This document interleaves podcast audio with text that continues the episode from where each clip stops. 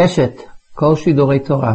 אנחנו משדרים שיעור של הרב בנימין תבורי בנושא מנהגי רבותינו. היום השיעור יעסוק בענייני ליל שבת. נדבר קצת על הקדמות לקידוש, ואחר כך גם קצת על קידוש של היום. בתפילת מעריב כבר הזכרנו שבסוף, אחרי שמונה עשרה, החזן עומד ואומר ברכה אחת מעין שבע. המנהג שהזכרנו מבוסס על הרעיון שבעצם מגן אבות זה חזרת השץ. בליל שבת, מסיבות היסטוריות, תקנו שתהיה חזרת השץ. ממילא צריכים לשמוע את חזרת השץ מהחזן, והציבור אמור להקשיב בשקט לשמוע ברכה אחת מעין שבע. במעשה רב של הגר"א כתוב, ומגן אבות אומר השץ לבד, ועם שומעים. כבר הזכרנו שברוב המקומות שאני התפללתי בהם, המנהג הוא שהחזן שותק, והציבור אומר מגן אבות בשירה. אולי החזן אינו שותק, אולי הוא שר עמהם.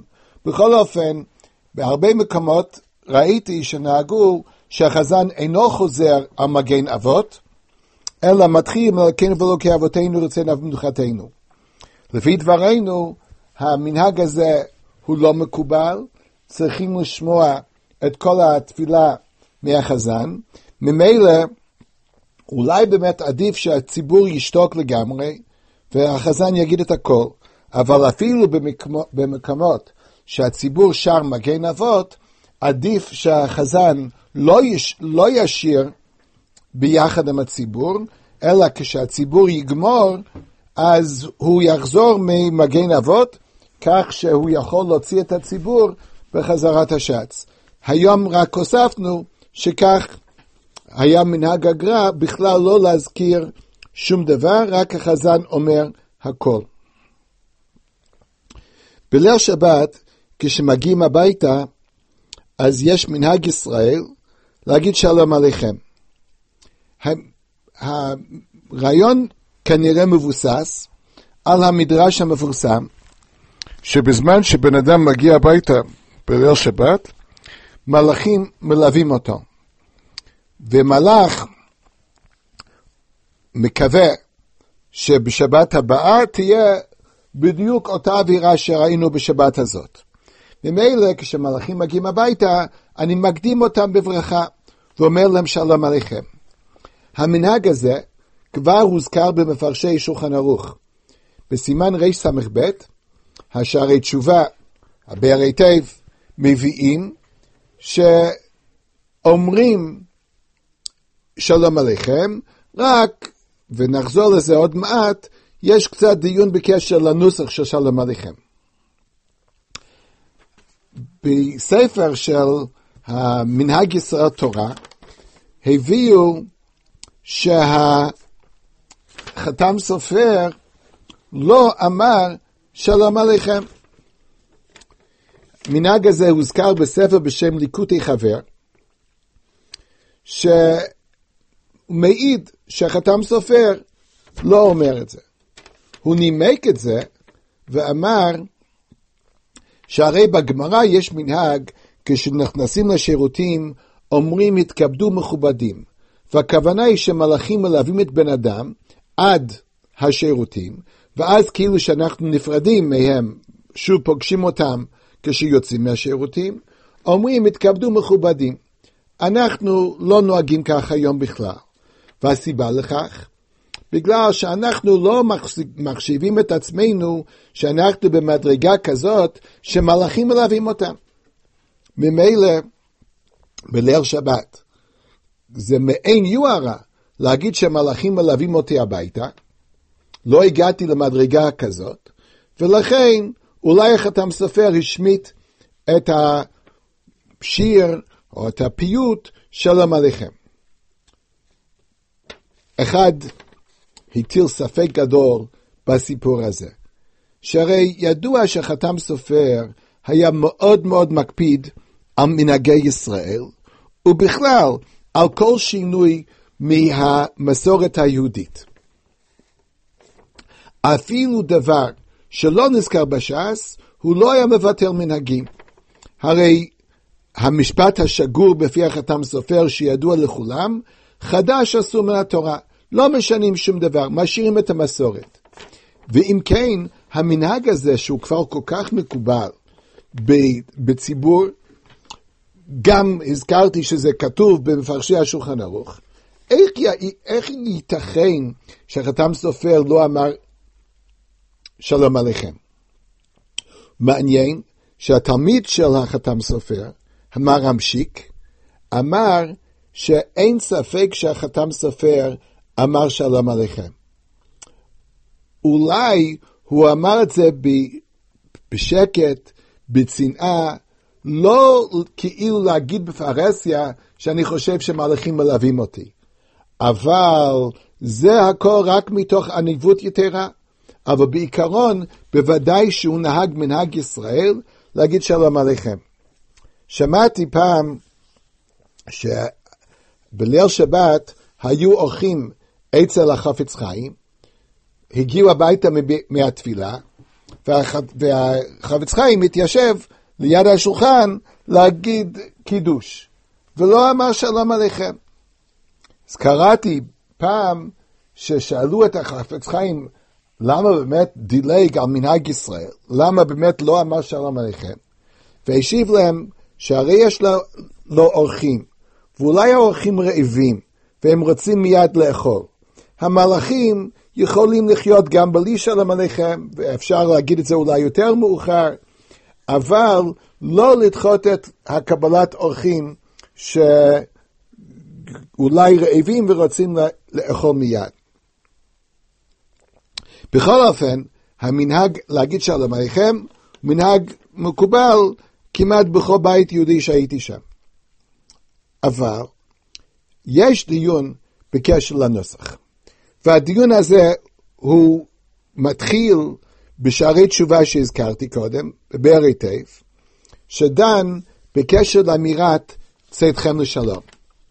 הרי אחד אומר צאתכם לשלום כאילו שהוא רוצה שהמלאכים יעזבו. מבחינתי, אני מזמין מלאכים אלי הביתה שיישארו שם. הם גם לא אוכלים הרבה, אז מה אכפת לי שיהיו מלאכים אצלי בבית? בעיקרון, יש מקום לדון, שבאמת זה נכון, אבל בכל אופן יש נוסח מקובל שאומרים צאתכם לשלום. אז אה, שם הדיון הוא, האם באמת אפשר להגיד צאתכם לשלום ולכוון למשפט המקובל, ברוך אתה בבואך, ברוך אתה בצאתך, הפסוק הזה. ואני לא מתכוון שהם יעזבו עכשיו. אומר, יום אחד אולי הם יעזבו, באותו יום שהם יעזבו, אז אני מתכוון לברך אותם בצאתם.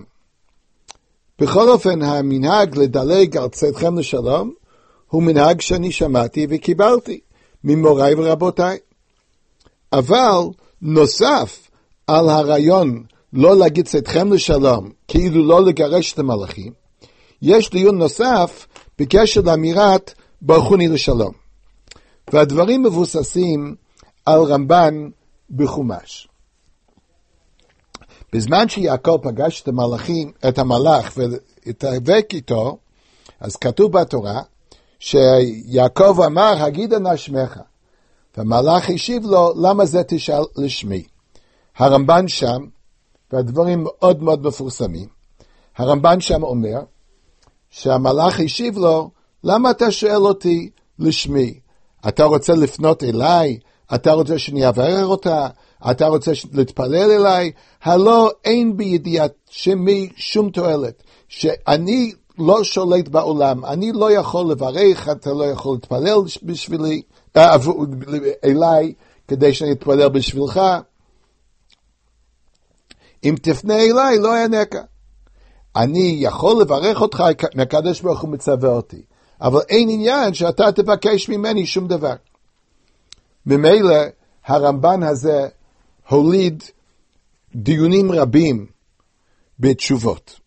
האם באמת מותר להתפלל תפילות, אולי אפילו תפילות די מקובלות, תפילות שמסודרות בסידורים ובמחזורים שלנו, שלכאורה פונים אל, אל, אל מלאכים. ולמשל בהקדמה לסידור מצוין, סידור המפורסם אוצר התפילות, יש הקדמה שלמה שרק אליו ראוי להתפלל, והוא מביא את הירושלמי ודיון שלם אם אפשר להתפלל למלאכים.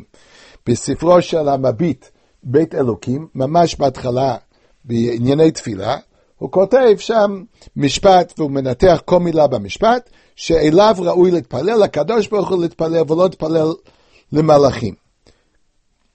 יש uh, דיונים למשל בקשר לקטעים בתפילה, מלאכי רחמים, מכניסי רחמים, מכניסי רחמים זו תפילה מפורסמת, שמתפללים כאילו למלאכים, למכניסי תפילה, מכניסי רחמים.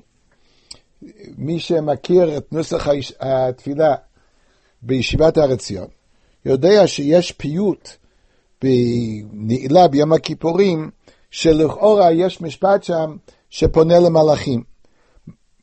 אומרים, מידת הרחמים עלינו התגלגלי, ולפני קונך תחינתנו הפילי, ובעד עמך רחמים שאלי, כי כל לבב דווי וכל ראש לא חולי. מי שהתפלל בישיבת הר עציון יודע שהרב עמיטל היה משנה את הטקסט שכתוב בסידור, כדי לא לפנות למידת הרחמים, אלא מתפללים ישר לקדוש ברוך הוא ומבקש ממנו להפעיל את מידת הרחמים. אמר הרב סולובייצ'יק, היה קובע טקסט אחר בתפילה הזאת, נדמה לי מאוד דומה לרב עמיטל אבל קצת שונה, אבל הרעיון הוא אותו הרעיון. לא לפנות למידת הרחמים. ממילא יש כאלה שדילגו גם על הקטע ברכוני לשלום, שהרי לא מבקשים מהמלאכים ברכה. אם הם יברכו על פי ציווי הקדוש ברוך הוא, כפי שאמר הרמב"ן, מה טוב, אבל אני לא מבקש מלאכים. המוטיף הזה, הרעיון הזה, שלא פונים למלאכים אלא פונים ישר לקדוש ברוך הוא, הוא אמרתי, הוא גם דיון הלכתי מפורסם, וגם דיון במחשבת ישראל, האם באמת פונים לרבנים לבקש, להתפלל עבורך, האם יש הבדל בין מלאכים לבני אדם וכולי, יש על זה דיונים רבים גם בעולם ההלכה וגם בעולם המחשבה.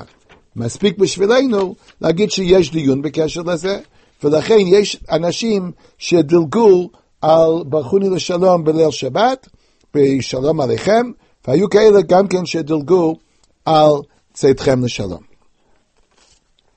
נתחיל עכשיו בענייני הקידוש בליל שבת. קודם כל, יש מקום לדון האם יושבים בקידוש או עומדים. לפני שנתחיל את הדיון, נזכיר את מנהגי רבותינו שאני רגיל לצטט, ואלה שכתובים בספרים. בסידור, סליחה, במעשה רב של הגאון, כתוב שהגר"א היה יושב בקידוש לגמרי, מקדש מיושב. וכך מביאים מעשה ברב, אבל בכל אופן במעשה רב אין שום נימוק למה שהגר"א ישב בקידוש, כתב שישב. בספר בשם הליכות הגר"ח מסופר שרב חיים היה נוהג להישב בקידוש, אבל שם כבר יש נימוק. כתוב, מכיוון שברכת באופי הגפן שייך לעצם הקידוש, יסודו הוא ברכת הנהנין, ודין ברכת הנהנין לא אמרה בישיבה. כך בהליכות הגר"ח. עכשיו בואו נראה את הצדדים לעמוד או הצדדים לשבת. יש דיון על כך בהרבה הרבה ספרים. אני נעזרתי במקורות שהביא פרופסור שפרבר בספרו מנהגי ישראל, חלק ב'. שם הוא מביא את הרמה. בסימן רע"א אומר הרמה מנהגים שונים. יכול לעמוד בשעת הקידוש, יותר טוב לשב, ונוהגים לשב אף בשאמר ש... שאומר ויכולו. למה באמת יש עניין ויש מנהגים לעמוד בקידוש? לכאורה, הסיבה הפשוטה היא בגלל שמסתכלים על ויכולו כמו הגדת עדות. בן אדם שאומר ויכולו בליל שבת, כאילו מעיד שהוא מאמין שהקדוש ברוך הוא ברא את העולם בשישה ימים, ושבת ביום השביעי, ואנחנו שובתים עכשיו שבת, מקדשים את השבת, כפי שציווה בורא עולם. יש הלכה מפורסמת, שהמחלל שבת בפרהסיה, הוא נחשב מומר לכל התורה כולה. רש"י במסכת חולין מנמק את ההלכה הזאת באומרו שהרי בן אדם ששומר שבת מעיד שהוא מאמין שהקדוש ברוך הוא ברא את העולם. בן אדם שמחלל את השבת כאילו מעיד שהוא כופר במעשה בראשית, הוא כופר בבורא עולם. הרש"י והדיון הזה הוליד ספרות הלכתית רחבה מאוד, בקשר למצב שאולי היה חדש פעם אחת בהיסטוריה. לדעתי, עד כמה שידי מגעת, אחד מהראשונים שדן בקשר לזה היה כבר הרבי יעקב אטלינגר, בעל ערוך לנר, שבתשובות כתב תשובה בקשר לבן אדם שחילל שבת. אמנם הוא אמר קידוש, התפלל. היום בדורנו אנחנו מכירים תופעה כזאת, שיש בן אדם שמגיע לאיזה מקום שמתפללים בליל שבת, מתפלל תפילה פחות או יותר רגילה, אחר כך נכנס לרכב, נוסע הביתה, מחלל שבת, מגיע הביתה, אולי הוא מדליק חשמל, אולי לא מדליק חשמל, מגיע הביתה והמשפחה מתיישבת לשולחן שבת, והוא מקדש ואומר ויכולו השמיים בארץ. רבי יעקב אטלר דן, ועד היום הדיון ממשיך, האם בן אדם הזה באמת נחשב מחלל שבת, שהוא מחלל, שהוא נחשב מומר לכל התורה כולה. מבחינה מסוימת הרי הוא מחלל שבת, אבל מצד שני הוא לא מעיד שהוא לא מאמין בבורא עולם, אדרבה, הוא אמר ויכולו. הזכרתי את הדיון הזה, שאומנם לא כאן מקומו להיכנס לעובי ההלכה בקשר לפסקים בקשר לשאלה הזאת, אבל הרעיון הוא שמי שאומר ויכולו, הרי בעצם זאת אגדת עדות שהוא מאמין בבורא עולם. ולכן יש מנהג להגיד, לעמוד בזמן שאומרים ויכולו, שהרי הגדת עדות צריכה להיות בעמידה.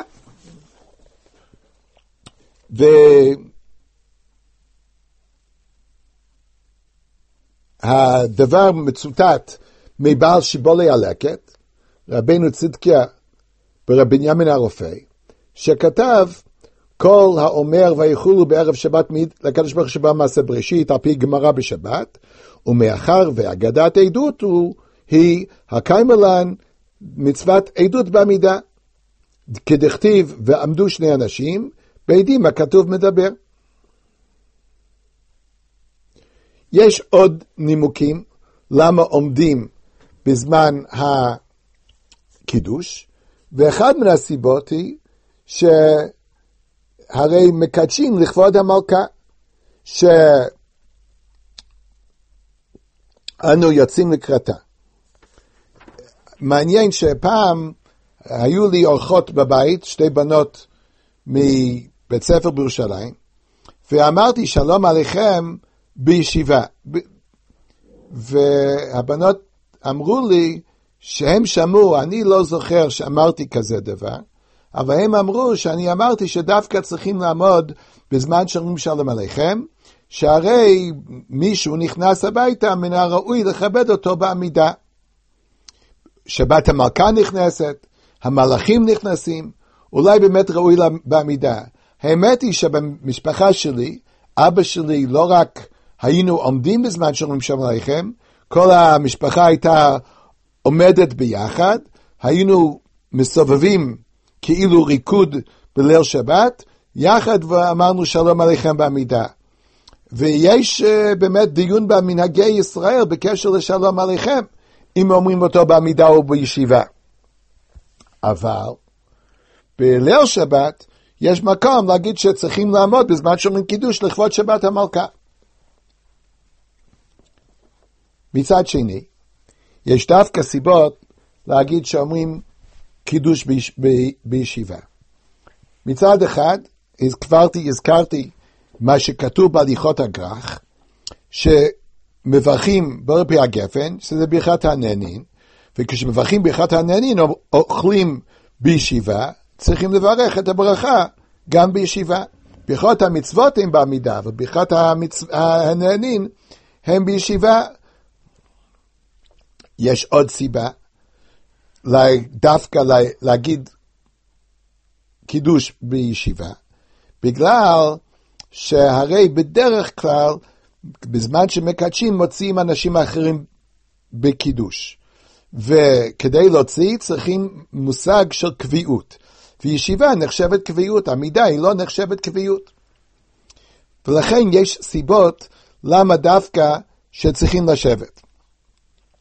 כמובן, יש להציע פשרה, ופרופסור שפרבר מביא שהפשרה הזאת נמצאת למשל בספרו, בסידורו של רבי יעקב עמדין, שאפשר להגיד פרשת ויחולו בעמידה, ושאר הקידוש בישיבה. כך לכאורה הרווחתי את כל העולמות. אמרתי ויחולו בעמידה, עדות ויחולו מתקיימת בעמידה, ואילו להוציא אנשים בברכת הנענין, להגיד ברכת הנענין, אני אומר את זה בישיבה, וככה הרווחתי את כל העולמות. הזכרתי כבר שרב חיים היה יושב כל הקידוש, כך הגרא היה יושב בקידוש, לא כתוב שהם עמדו ויכולו, בשולחן ערוך הרב כתוב להגיד את כל הקידוש בש, בישיבה. בקשר לרעיון הזה של ויכולו, בעל התניא, שולחן ערוך הרב, הוסיף, הוסיף עוד סיבה, שהרי אומר, בעצם כבר אמרתי ויכולו. בליל שבת בבית הכנסת התפללתי שמונה עשרה, ואף אמרתי ויכולו פעם שנייה יחד עם הציבור. דווקא יש מנהג, לא לא כל אחד מסכים שבאמת חייבים לעשות ככה, אבל יש מנהג לא רק שעומדים בזמן שאומרים ויכולו, אלא מדקדקים שתגיד שני אנשים ביחד כדי שיהיה ועמדו שני האנשים. כאילו שיש אגדת עדות הולכה פחות שניים. ורואים בבתי כנסת לפעמים שיש בן אדם שקצת מעריך בתפילה, והציבור כבר אמר ויכולו, הרבה פעמים יש יהודים שמבקשים מחבר שיגיד ויכולו איתם כדי שיגידו עדות בשניים. בכל אופן אומר הבעל התניא, רב שניאל זלמן, שכבר אמרו ויכולו בעמידה. אז בקידוש זה רק תוספת שאומרים עוד פעם לפני הקידוש. לכן הוא חושב שאפשר להגיד ויכולו בליל שבת בישיבה. כמובן, כל מה שאמרתי זה קשור לקידוש בליל שבת. מנהג משפחה כאן, שלי, אבא שלי, זכרונו לברכה, היה אומר ויכולו בעמידה. והשאר, ואז היה מתיישב בזמן שאומר ברבי הגפן, ויושב בשער הקידוש. אמנם אינני יודע את, את המנהג של הסבא, אבא של אבא, אבל סביר להניח שהוא קידש לפי מנהג רב שניאור זלמן, שהרי סבא שלי היה חבדניק. אם כן, האבא שלי עשה לפי מנהג שלו, לפי מנהג של הסבא, זה אינני יודע. אבל בדבר כזה, אני אישית נוהג כפי אבא שלי, בגלל שאני חושב שדברים אלה, המנהג משפחה קובע. הרי יש נימוקים ויש צדדים ויש מנהגים שונים לכל הכיוונים כאן. לעמוד כל הקידוש, לשבת כל הקידוש, ולעשות את הפשרה שהצעתי לפני כן. בדברים כאלה, אז נדמה לי שמנהג המשפחה קובע. לא פיתחתי את הרעיון הזה עדיין בשיעורים שהעברתי עד כאן במנהגי רבותינו. הרב סולובייצ'יק היה אומר שיש להבחין בין מנהגים שבאמת כמה רביד, הכל אפשרי, באמת מנהג משפחה קובע. אבל יש לפעמים שהוא היה מקפיד כל כך על מנהג מסוים, והוא אומר כאן, מנהג משפחה לא קובע, צריכים לשנות מנהג משפחה ול... ולקיים את מה שהרב חשב, שזה לא מנהג, לא לבטל מנהג שהוא חשב זה לא נכון על פי ההלכה, ודווקא לקיים את מה שהרב חשב זה הלכה. נדמה לי שסוג העניין של קידוש הוא עניין שאפשר להגיד עליו שיש מנהג משפחה. אגיד דוגמה אחת, שפעם אחרת אולי נאריך יותר בקשר לרעיון הזה, אבל נביא מקרה שהרב חשב שצריכים לשנות מנהג משפחה, היה בקשר למשל לתפילין של ראש. בתפילין של ראש מאחורה יש קשר. יש אנשים שיש להם קשר מרובע, כאילו ארבע חלקים של קשרים, ויש אנשים שיש להם כאילו שלוש, מעין ד' מעין יוד. הרב חשב שברמב"ם כתוב מעין, אז אי אפשר להגיד שהקשר מרובע הוא הזה הוא מעין עוד. ממילא הרב חשב שדבר כזה צריכים לבטל אפילו מנהג המשפחה. לקשור קשר מרובע, חייבים לשנות את, קשר, את מנהג המשפחה, ולעשות כפי שהרמב"ם כותב, לפי צורת אות. מעניין שהרב קפח, החכם התימני, הפוסק של הקהילה התימנית, זיכרונו לברכה, היה אומר, וכך הדפיס בספרו על הרמב"ם, שאפשר לעשות קשר מרובע, משום שזה מעין. הרם לא כתב, כתב מעין, אז זה גם כן נחשב מעין. הרב סולובייצ'יק חשב שזה טעות וצריכים לשנות אפילו נגד, משפ... נגד מנהג משפחה. כמו שהזכרתי, הדיון הזה, איזה מנהגים מותר לאמץ ואיזה מנהגים אסור לאמץ, איזה מנהגים אה, קשורים לענייני משפחה, זה נושא שמסתום צריכים לברר כל מקום בפני עצמו. אני רק חושב שלעניין הקידוש זה מנהג משפחה שקובע. הזכרתי את זה כמובן בעניין ליל שבת. לעניין שבת בבוקר, אז כאן לכאורה המצב משתנה לגמרי. האם יש סיבה להגיד קידוש בעמידה בשבת בבוקר? הרי אין כאן הגדת עדות, הרי אין כאן קבלת שבת, יש רק העניינים שהזכרתי קודם. הרי ביסודו, ונחזור לזה אם ירצה שם בשיעור הבא, שביסודו קידוש בשבת זה עניין רק של ברכת העננים. להגיד ברך פי הגפן, אין ברכה אחרת. ממילא ברכת העננים צריכים להגיד בישיבה. ועוד, הרי בדרך כלל, הרבה פעמים, ובפרט כשיש קידוש בבית כנסת, אחד מוציא את כולם, וכדי להוציא, לכאורה צריכים קביעות. וקביעות זה נחשב, ישיבה זה נחשב קביעות. אז לכאורה בשבת בבוקר אין שום סיבה לעמוד, אדרבה, עדיף לשבת. יש אמנם אנשים שעומדים גם בזמן קידוש שבת בבוקר. וחייבים לנסות להבין למה יש מנהג כזה.